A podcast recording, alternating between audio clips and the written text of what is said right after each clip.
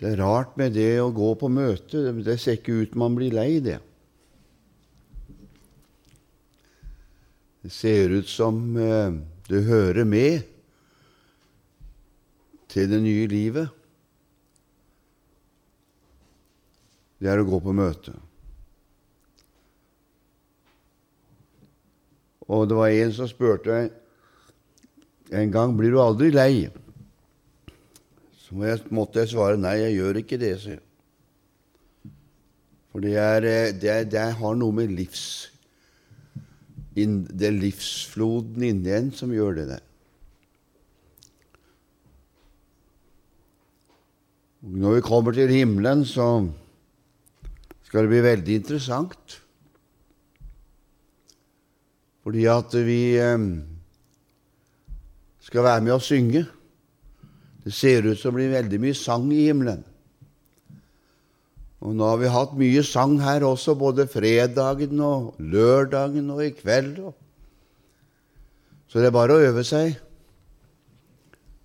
for i himmelen blir det masse sang. Vi skal lovprise Gud og lammet, som kjøpte oss ifra jorden til Gud med sitt blod. Det blir liksom omkvedet. Og det omkvedet der ser det ut til at uh, hvert gjenfødt menneske har fått risset inn i sin nye ånd, ser det ut til. For det er noe av det som uh, vi synger om, selv om vi ikke kan synge òg. Så synger vi allikevel.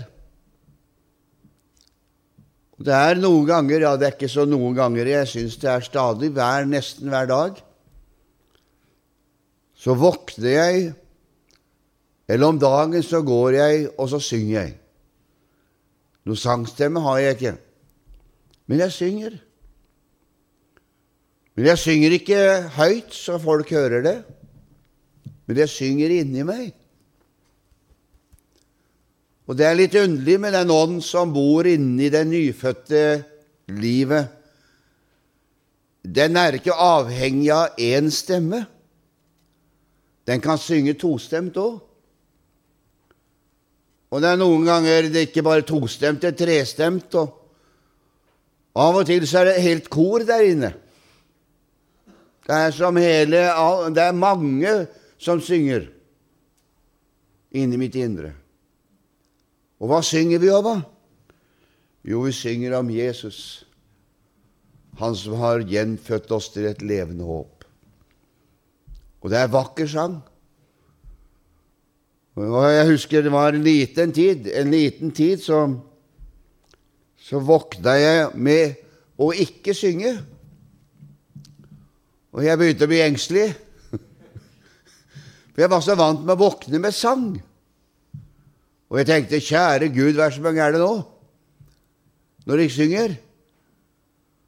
Og jeg måtte begynne virkelig å be til Gud, Herre, du må sette i gang sangen igjen. For det, det var så nydelig å våkne om morgenen med at du sang. Og så satte han i gang sangen igjen. Og det er nydelig.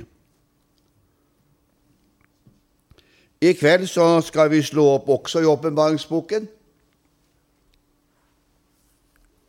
Skal vi se åssen det blir i kveld, da. Er dere spente? Så er jeg likedan. For jeg vet aldri åssen møtet verken begynner eller slutter. Og det er bare sånn. Selv om vi kan forberede oss til møtet, det tror jeg er riktig at vi skal gjøre For jeg tror det er helt riktig at man skal være forberedt også å gå til møtet. Men man vet aldri hvorledes det blir. For Den hellige ånd er helt forunderlig. Den kan forandre hele møtestrukturen for oss. Og Da husker jeg Sverre Kornmo, som jeg hadde så mye glede av. Han sa det bestandig på denne måten når du kjenner den ånden som tar tak og blåser en helt annen vei, sa han. Så får du legge igjen både Bibelen og pregeteksten din, sa Og så lar du deg følge med en ånden isteden. Og så skal du se at det blir helt annerledes. Da blir det slik som han vil. Og slik er det. Det er godt å følge det. I kveld så skal vi se litt på Smyrna-menigheten. Vi så litt i første kapittelet på omsorgen som Jesus hadde til menigheten. Og når jeg sier menigheten, så er det deg jeg mener. Det er deg jeg mener, for det er du som er menigheten. Menigheten, den blir egentlig slik som vi er, den. Så det er du som er menigheten. Du er Guds menighet. Og Da så vi åssen Jesus hadde omsorg for sin menighet. Og det synes jeg er helt underbart å vite. Han har omsorg. Og den omsorgen som han har for sin menighet, den er ikke overfladisk. Han er ikke sånn at han hilser på deg, og så ser han på naboen. For det hender av og til, vet du. At du møter sånne mennesker som hilser på deg, men han snakker med naboen allikevel. Men han syns han må ta deg i handa også. Men sånn er ikke Jesus. Når han tar deg i handa og hilser på deg, så er det deg han akkurat vil snakke med. For han har omsorg akkurat for deg. Det var vi inne på på fredagskvelden. Og på lørdagskvelden så var vi inne på hvordan Jesus hadde omsorg for menigheten i Efesus. Denne menigheten som var i denne store byen. Noen ganger så tenker vi som så at det var småbyer de holdt på med, men Efesus var en stor by med over 500 000 innbyggere. Så var litt av en by. Det var en by i verdensklasse og hadde et veldig stort avgudstempel i sølv. Den mektige Diana, hun var der. Og eh, menneskene i Efesus, de var redd når Paulus kom. De var redde. Fordi at de så at evangeliet hadde en makt til å forvandle mennesker ifra avgudsdyrkelse til gudsdyrkelse. Og så var de redde for jobben sin, for de fleste sølvsmedene tjente penger på dette. her. Men så er det så godt å vite at Gud han bor ikke i et tempel gjort med hender. Han bor ved troen i våre hjerter, han. Og Da så vi litt på hvordan Jesus hadde omsorg for denne menigheten. Så nå går vi til Smyrna-menigheten, skal vi se hvilken omsorg han har for den. Nå er det slik at når du leser kirkehistorie Jeg har lest en del kirkehistorie opp gjennom tiden så ser det ut til at de syv menigheter følger egentlig, eller åpenbarer egentlig, noe av kirkehistoriens menigheter opp gjennom tidene. Du vet at Bibelen er alltid skrevet på forskudd. Den har alltid et forskudd over seg som gjør at når vi leser den i dag, så kan vi ha den eh, godheten i dette at vi kan lese hva Jesus har sagt på forskudd kommer til å skje. Og det hjelper oss veldig. For vi er alltid på etterskudd. Vi ser alltid bakover og er på etterskudd, men han er på forskudd. Og Det betyr egentlig at Jesus har allerede vært i morgendagen. Der har ikke du og jeg vært ennå. For vi vet ikke hva morgendagen bringer oss. Men Jesus har allerede vært der. For han har vært både i dag, og han har også vært i framtiden. Så han kjenner til den. Og Derfor så skrev han antagelig til de syv menigheter. Og så ser vi hvordan de syv menigheter på ulike tider av menighetens tidshusholdning hvordan det stemmer stort sett overens. Og nå ser vi at menigheten i Efesus det var den menigheten som eh, var fra begynnelsen av apostlenes tider og framover noen hundre år. Og så går det en tid, ca. et par hundre år, og så kommer det en forferdelig forfølgelse over Kristi menighet. En grusom forfølgelse. Og den passer veldig godt inn i Smyrna-menigheten. Så går vi videre, og så kan vi se hvordan de ene menighetene den andre treffer veldig godt inn i endetiden. Og så har du da den siste menigheten, Ladukea-menigheten, som er egentlig den lunkne menigheten som verken er kald eller varm. Passer veldig godt inn i situasjonene. Og hvorfor skriver Jesus på denne måten? Han skriver selvfølgelig først og fremst fordi at han har omsorg for menigheten i den situasjonen de står opp i.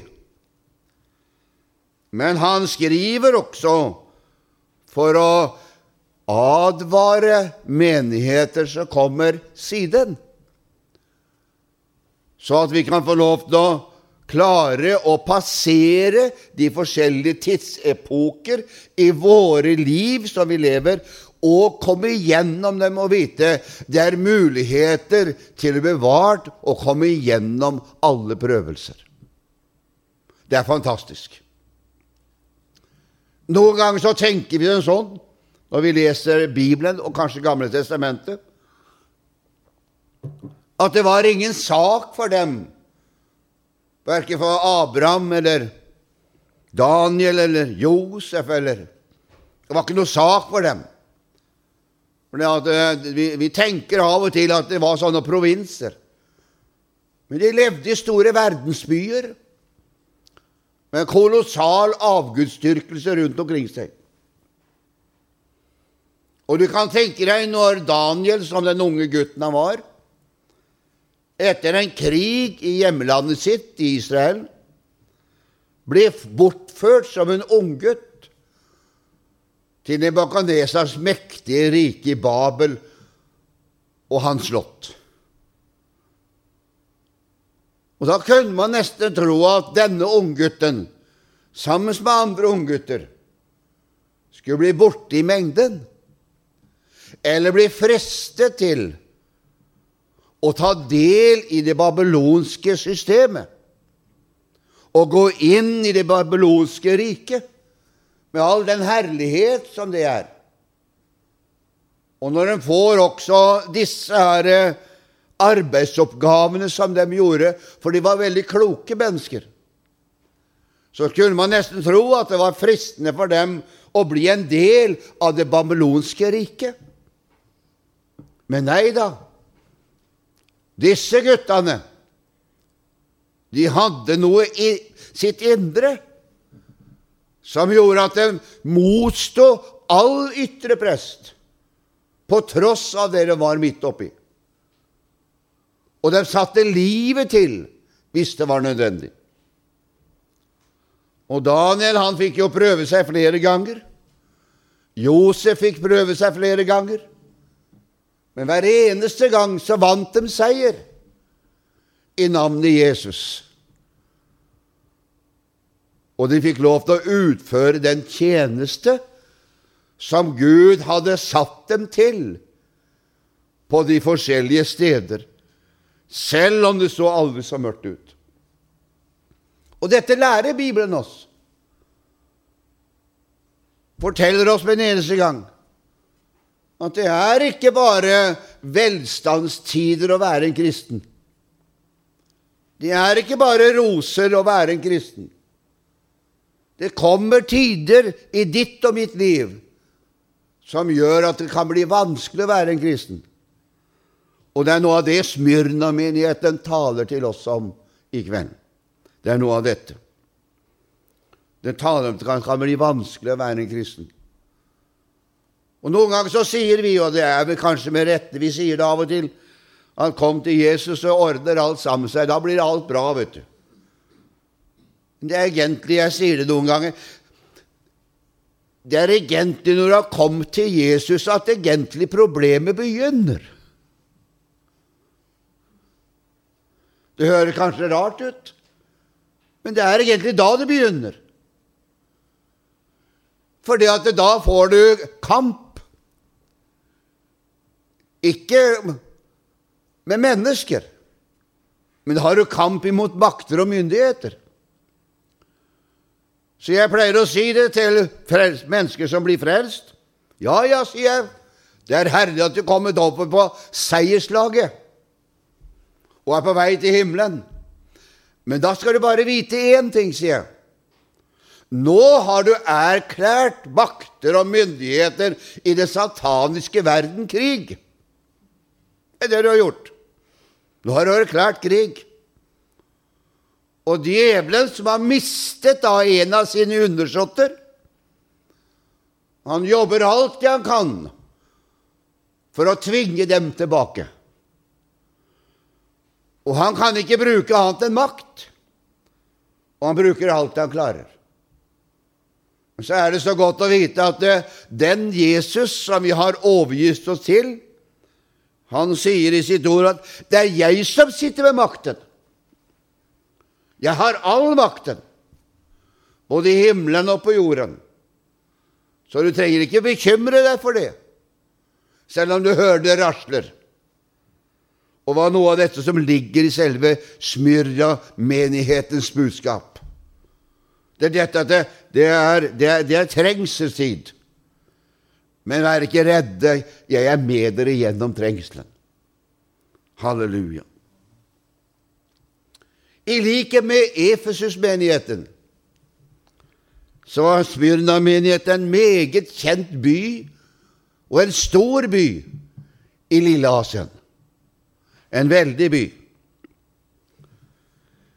Nytestamentet sier ikke så veldig mye om den åndelige tilstanden i menigheten. Sier ikke så veldig mye om den. Hvordan det egentlig var i menigheten. Men det fins noen små vers i det vi leser i den smyrna menigheten. Det var nemlig det at de hadde var egentlig trofaste. De var trofaste i denne menigheten. Navnet Smyrna, det betyr egentlig myrra. Og den myrra den blir brukt i balsam, til legedom og til salmingsoljen. Det som går igjen gjennom hele brevet til denne menigheten Det er ikke noe langt brev. Det er dette trengsel og forfølgelse for Jesu navnes skyld kommer til å komme, og er dere midt oppi. Og legg merke til det er Jesu navnet som skaper trengsel. Det er Jesu navnet som skaper trengsel. Du kan snakke om Gud, men når du snakker om Jesus, så blir det annerledes. Mennesker tror på Gud. Det er ingen sak i en stor forsamling å, å si at ja, vil du tro på Gud? Vil du ta imot Gud? Og da går hendene opp. Men hvis du sier 'Vil du ta imot Jesus?' Da er ikke alltid hendene går opp. For det, det, det følger konsekvenser med det å ta imot Jesus. Å ta imot Gud og være det, det er greit, men å, å ta imot Jesus, det betyr livsforvandling og forandring, det. Det er det det gjør.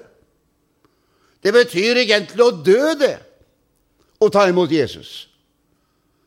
Da sier Bibelen at da må vi dø.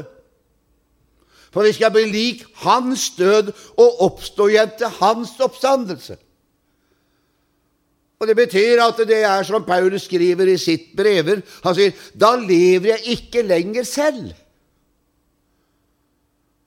Men Kristus lever i meg. Og det liv som jeg nå lever, lever jeg troen på Han. Altså et helt nytt liv. Og Derfor så sier jeg noen ganger når folk sier at ja, den har blitt frelst, og den har blitt frelst Ja, ja, sier jeg, det, vi, det, det er flott, sier jeg, men jeg vil se på vandringen. Hvilket liv lever de etter at de ble frelst? Holder de på med det samme etter at de ble frelst, eller har det blitt forandring? For når vi blir frelst, så blir det forandring. For man kan ikke holde på å være i verden og drive med det som hører verden til, når man blir frelst. Da har han gått over fra døden til livet, da. Og derfor får det konsekvenser, det, for oss når vi sier ja til Jesus. Da får det mektige konsekvenser for våre liv.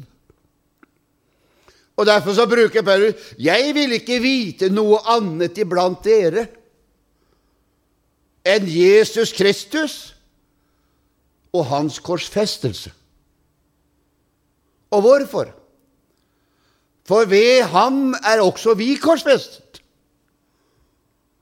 Paulus underviser om det i Romerbrevet, Efeserbrevet, Korinterbrevet. Vi er døde. Og den som er død, han lever ikke lenger. Og derfor lever jeg i et annens liv jeg lever Jesu Kristi liv etter at jeg har tatt imot frelsen i Kristus. Og det betyr egentlig et nytt liv, nye interesser, nye mål og nye tanker og nye gjerninger. Betyr det.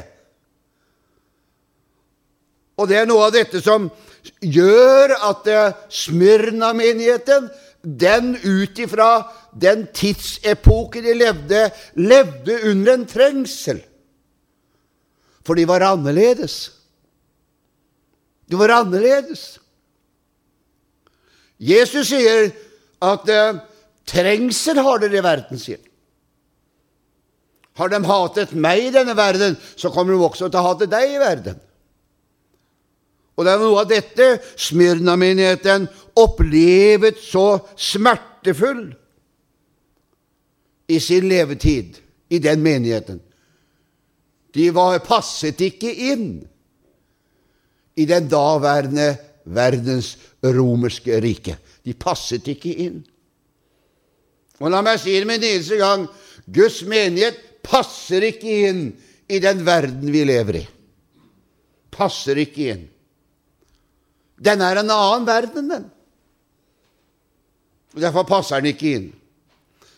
Derfor står det at den som vil leve gudfryktig, sier Bibelen.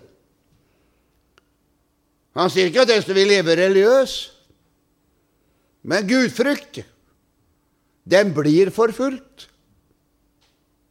Den sier ikke at den, den, kanskje kan bli, men han sier den blir forfulgt, den. På grunn av Jesu navnets skyld. Dette navnet der det navnet er farlig, det, for den verden som du lever i. Det er et farlig navn. Det er navnet Jesus, som da er menighetens midtpunkt, og som er ditt og mitt midtpunkt. Det navnet som bor inni oss, som Bibelen sier at det skaper det lyset inni oss som lyser. Det er farlig for den verden som ligger i mørket. For den opplyser, og den avslører. er det som er farlig.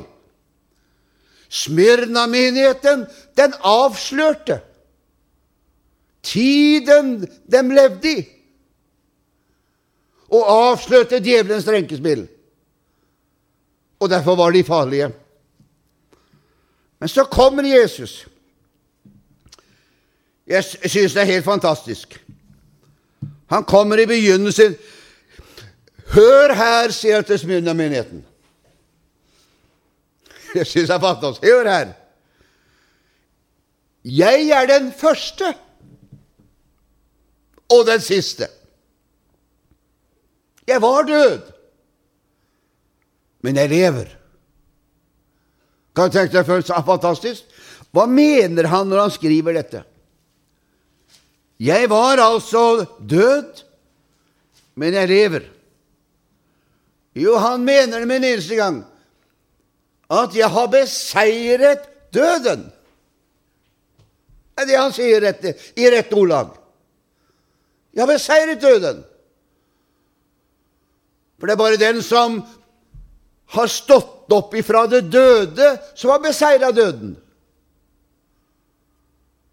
Og så sier Jesus, 'Jeg er det første og det siste. Jeg er død, men jeg lever.' Og da betyr det at han har makt over døden. Halleluja. Er det ikke flott, da? Han har makt over døden. Og Derfor så bruker Bibelen det uttrykket 'Død, hvor er din brodd?' Død, hvor er din seier? Og så ser vi litt rundt omkring oss, og så går vi på kirkegårdene. Og så ser vi at sannelig døden har gjort sin inntog hele tiden. For der ligger de én etter én. Men så vet vi, og det er det som gjør evangeliet så kraftesfullt Det er det som gjør det så seiersfullt at den som lever i troen på Jesus Kristus, den har ikke døden i seg.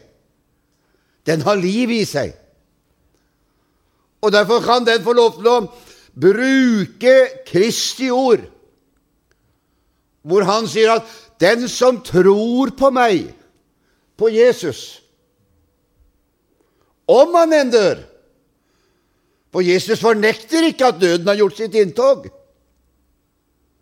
Han fornekter ikke det. Men om han enn dør, så skal han leve. Ser du forskjellen? Men det han sier om en synder Da sier han 'den som synder, han dør', sier Jesus. Da taler han ikke om livet lenger. Han taler om døden.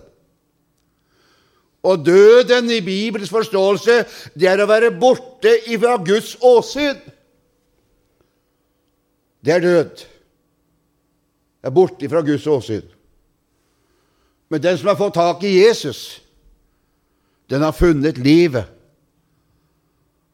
Det er det som er så fantastisk. Og det er det som gjør evangeliet så fenomenalt. Og det er egentlig det som gjør at evangeliet i meg blir meg til glede.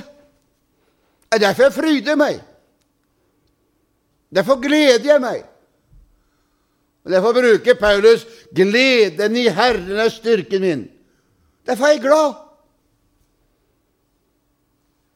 Derfor kan jeg ikke stå sånn 'Ja, du jeg er, kristen, jeg visst'. Og så er, jeg, er jeg, ikke glad.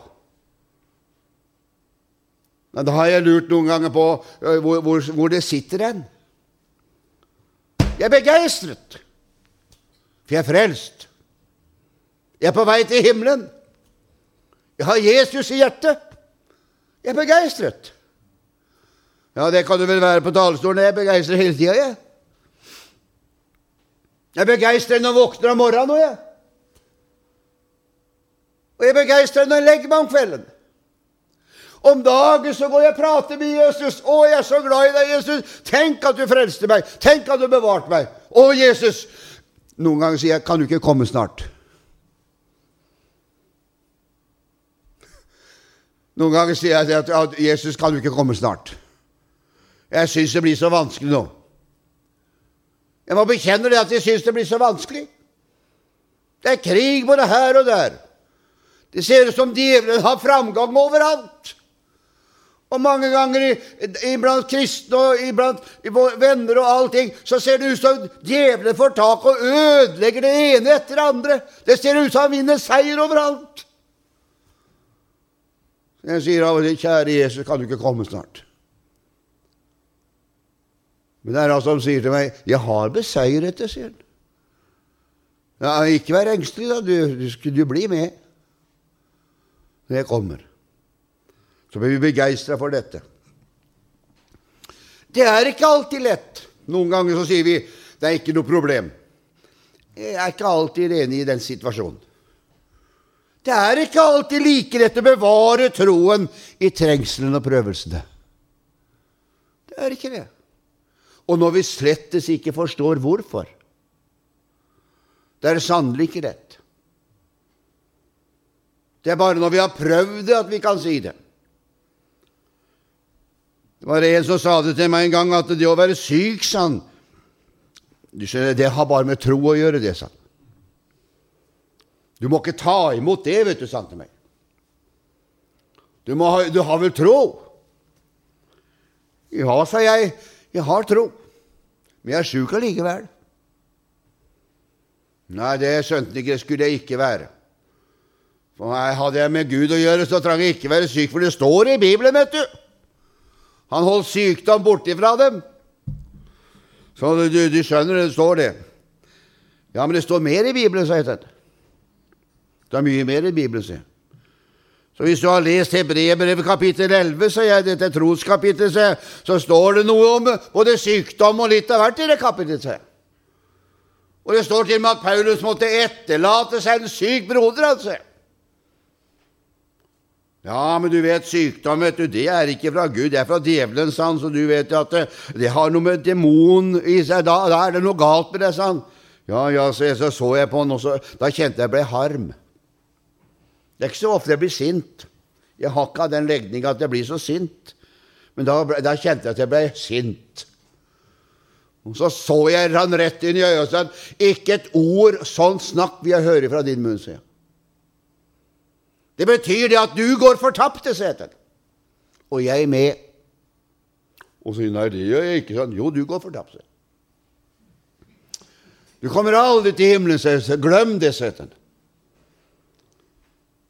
Og jeg kunne ikke tenkt å lure på det, da. Du skjønner det, sier jeg, at de fleste som går til himmelen, dør av en sykdom.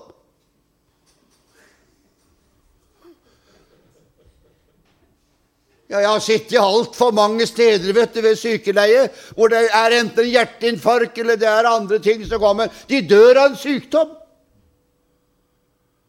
Og du skjønner, dem som kommer til himmelen, sier jeg, etter dine forbreper, de har blitt enten skutt eller dødd hurtig i en ulykke.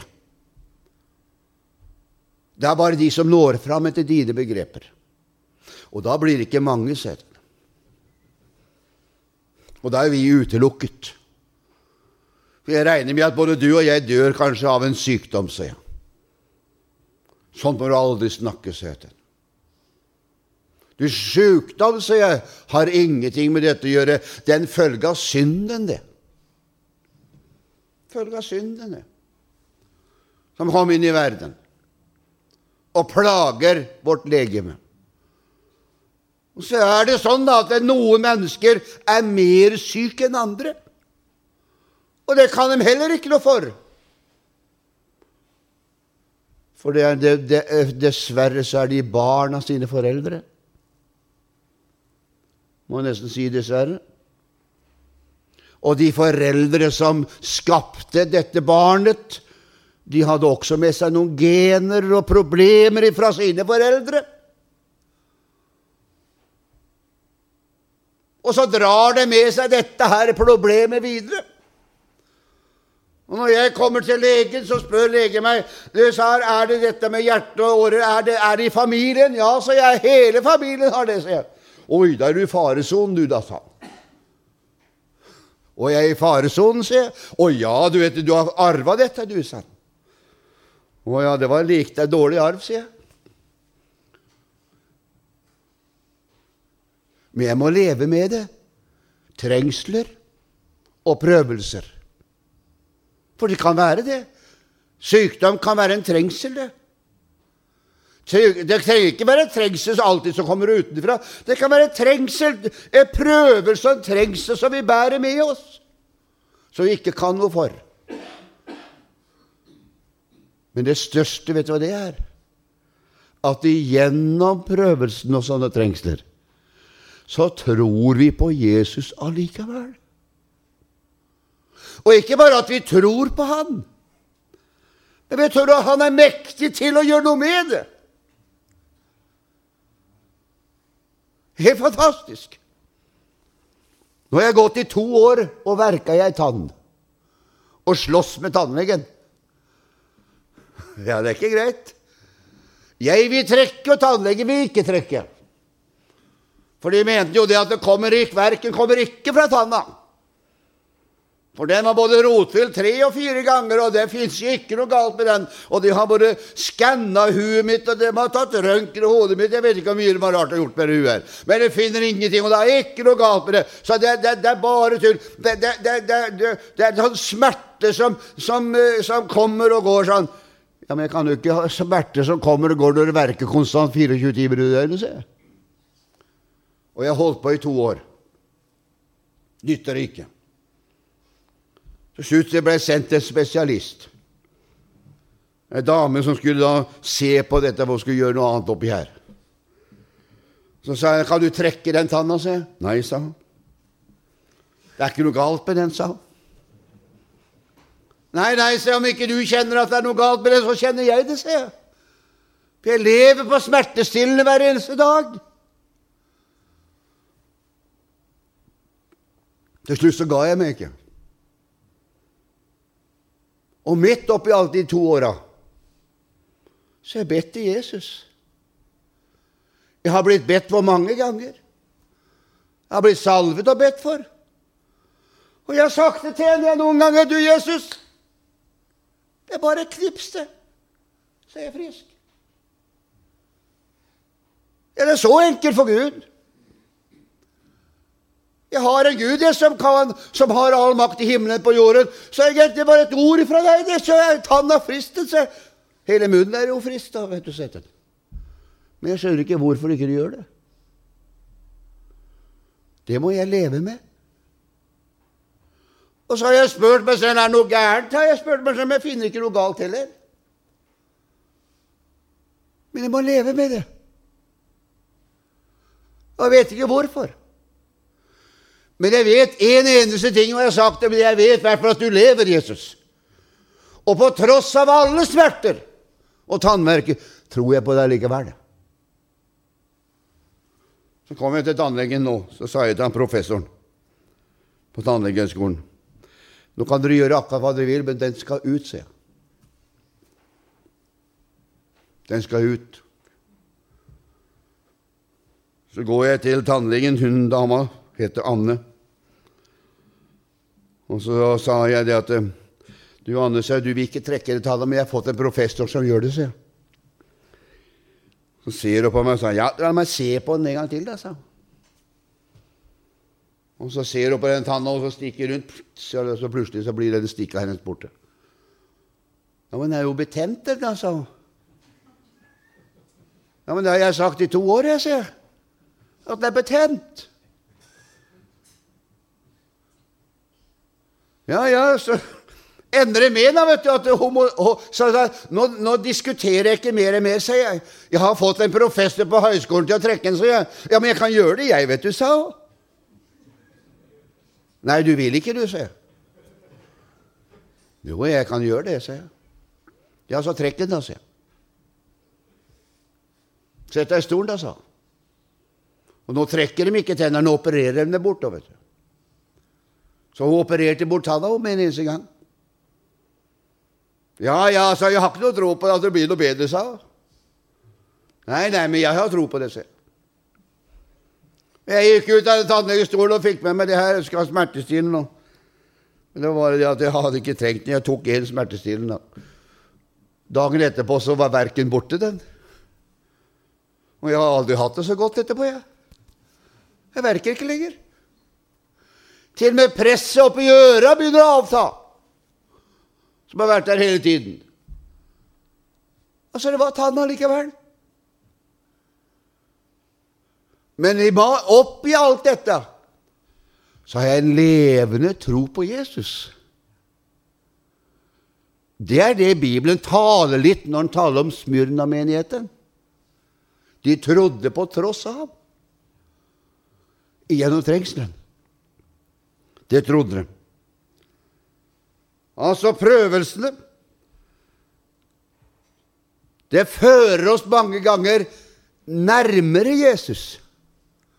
Det er egentlig det Peter skriver om når han skriver i sitt brev etter 1. Peters brev 1, 3-9. Der taler han om at lovet være Gud. Og så taler han dere som holdes oppe ved Guds makt ved troen, til det frelse skal bli åpenbaret. Og derfor jubler dere av glede, sier han. Et underlig ord. En liten stund nå som dere har sorg og mange slags prøvelser. Går det an å glede seg i prøvelsene? Nei, ikke misforstå meg nå. Ja, det gjør han. Går det. For vi flytter blikket. Vi flytter blikket opp til Han som er troens opphavsmann og fullender.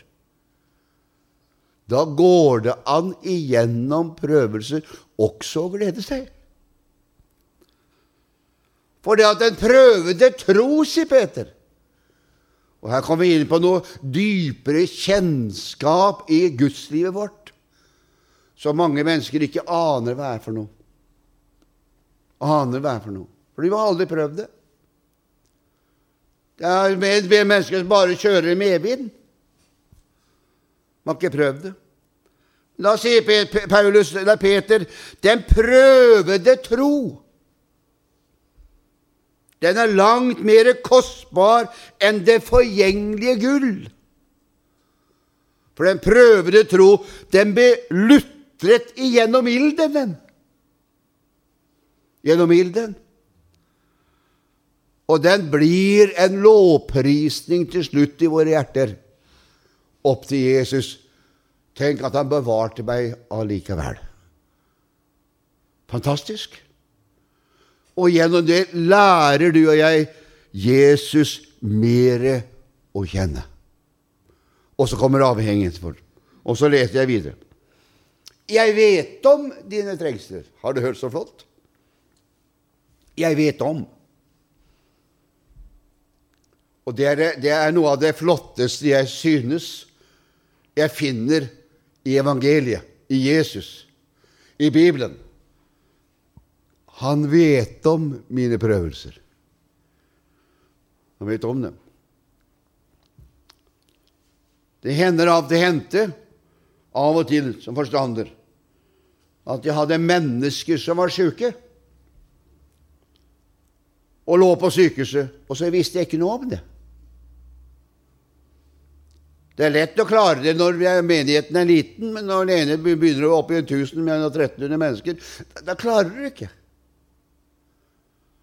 Jeg, jeg, jeg, jeg, klarte ikke å ha fullstendig overblikk. Så hendte det av og til at folk kom til meg og sa «Eh, 'Du, Torstein, sa ja, sa jeg, nå har jeg ligget på sykehus i 14 dager, og jeg har ikke sett deg.' Og da må jeg si, 'Dessverre, vennen min, jeg visste ikke om det.' Det var ingen som fortalte meg det. Jeg ante det ikke at du lå på sykehuset. Og så fikk jeg vondt at jeg ikke hadde gjort det. Men sånn er ikke Jesus. Han vet om det. Han vet om dine trengsler og fattigdom. Han vet om det. Og så legger han til noe flott, altså. Men du er rik. Du er rik. Hvor ligger rikdommen min da? Den ligger hos Han. Den ligger hos Han, som er rik nok for oss alle i alle situasjoner. Det er fantastisk. Den ligger hos ham. Og ja, han går enda lenger om denne menigheten i Smyrna og om spottere fra dem som sier de er jøder, men ikke er det, men Satans synagoger. Altså, det vil si, om dem som er, sier de er kristne, men ikke er det. Og hva sier dem for noe? Er det så farlig, da? Ja? Er det så nøye, da? Er du, er du så åndelig, du. Ja? Har du hørt den? Jeg har hørt den noen ganger, jeg. Er du så åndelig? Kan du ikke det engang, du? Ja. Er du bedre du enn oss, da? Det spotter jeg. Og det verste spotten, den kommer ikke fra verden. Den kommer innenfra. Der hvor vi egentlig skulle hente kraft og styrke ifra. Og så får vi det motsatte.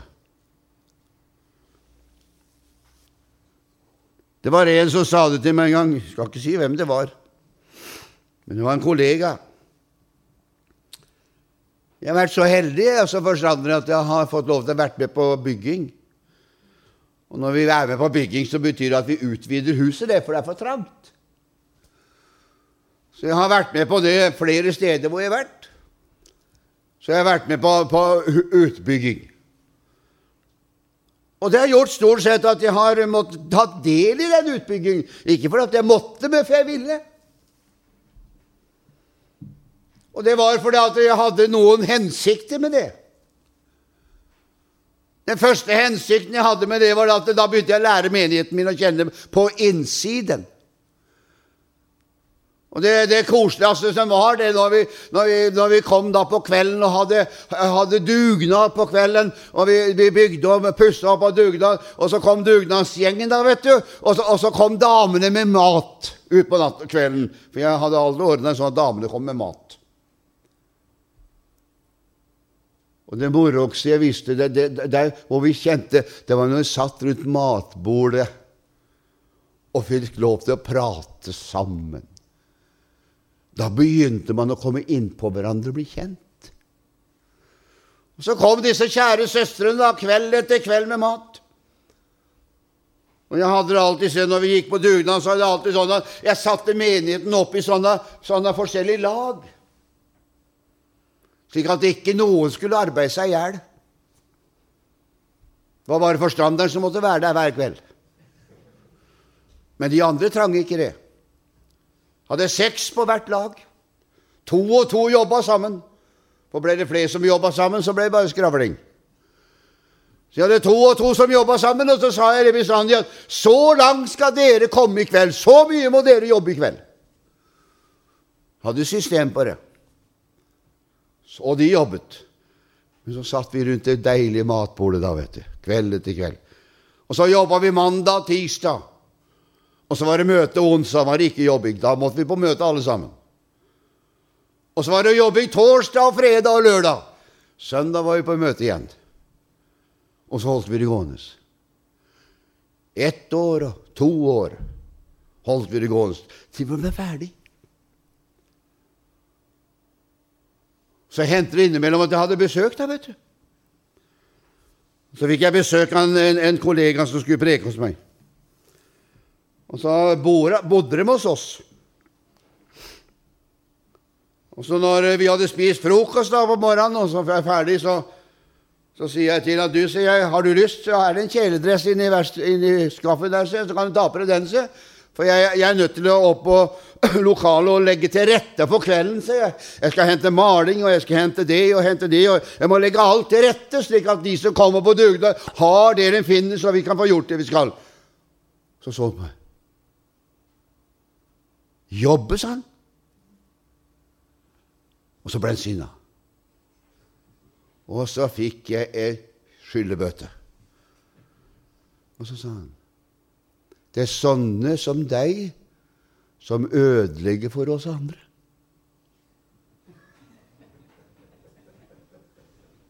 Det er sånne som deg som skaper problemer for oss andre. Jeg har ikke kommet hit for å jobbe, sa han. Jeg er kommet hit for å preke, jeg, sa Ja, men du er som forstander, sier jeg, så det holder ikke med å preke, seg. Som hyrde så holder det ikke som å preke, seg. For det er den korteste tiden i menighetens uke jeg er det, sa jeg på talerstolen, sier jeg. Resten av uka er jeg sammen med folket, sier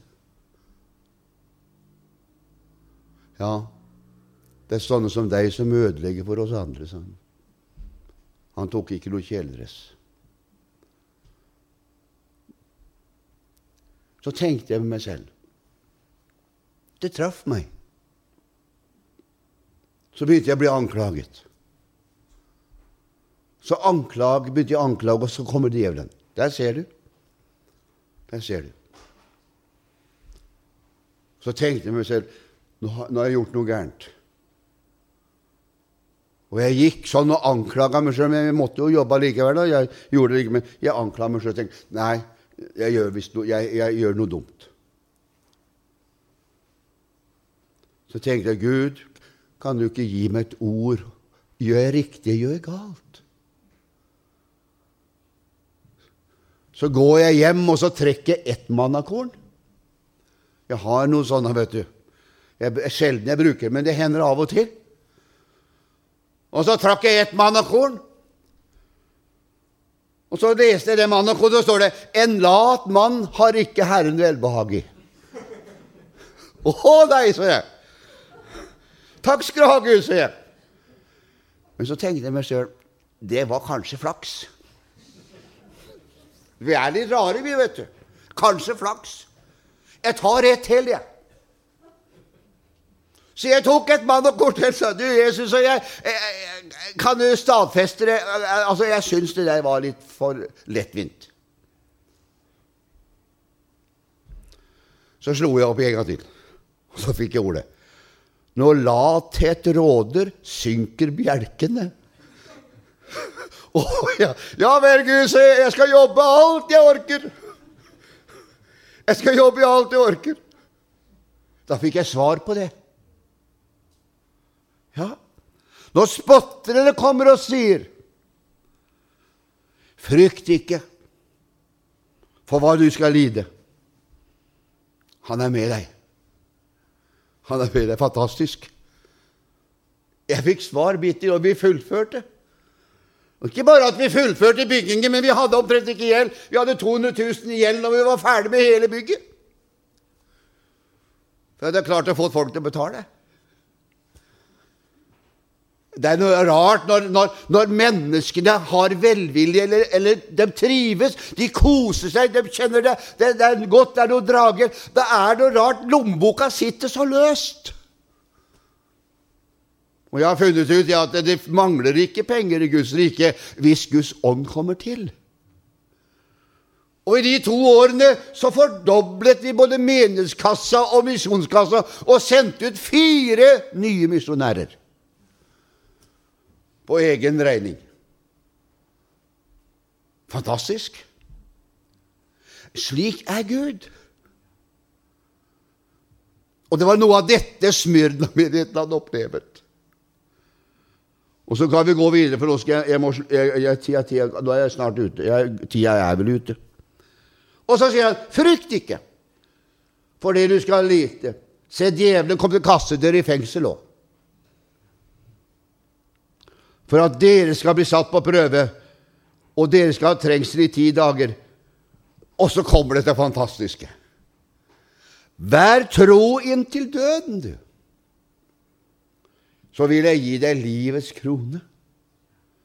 Se hvor han setter Se hvor Jesus fester fokuset. Han fester ikke fokuset på noe her nede. Han setter fokuset på himmelen. Livets krone. Det er bedre både norske og danske og svenske kroner. Livets krone er fantastisk. Der skal du få lov til å sette. Og så avslutter han på denne måten. Den som har ører, han hører hva Ånden sier til menigheten. Der ligger hemmeligheten i våre liv. I Torstein sitt liv og i ditt liv. Så ligger hemmeligheten her. Hører Torstein Åndens stemme? Eller gjør han ikke? Hører du Åndens stemme, eller gjør du ikke? For det er ikke bare når, når alt seiler med, men vi må høre Åndens stemme når det seiler imot. Da må vi også høre den. For det er egentlig da vi trenger den mest. Og så sier han til slutt Den som seirer, skal slett ikke rammes av den andre død. Er ikke flott? Du har del i den første oppstandelse. Og da kan ikke den andre oppstandelse nå deg. Halleluja. Sørg for at du har del i den. Og det er ikke vanskelig. Det er bare å ha navnet Jesus, som blekner aldri, fastspikra i sitt hjerte. Da er du garantert at du oppstår i den nye oppstandelsen av den første og skal møte Han i himmelen. For du har gjennomlevet det jordeliv som nettopp du fikk nåde til å leve. Amen.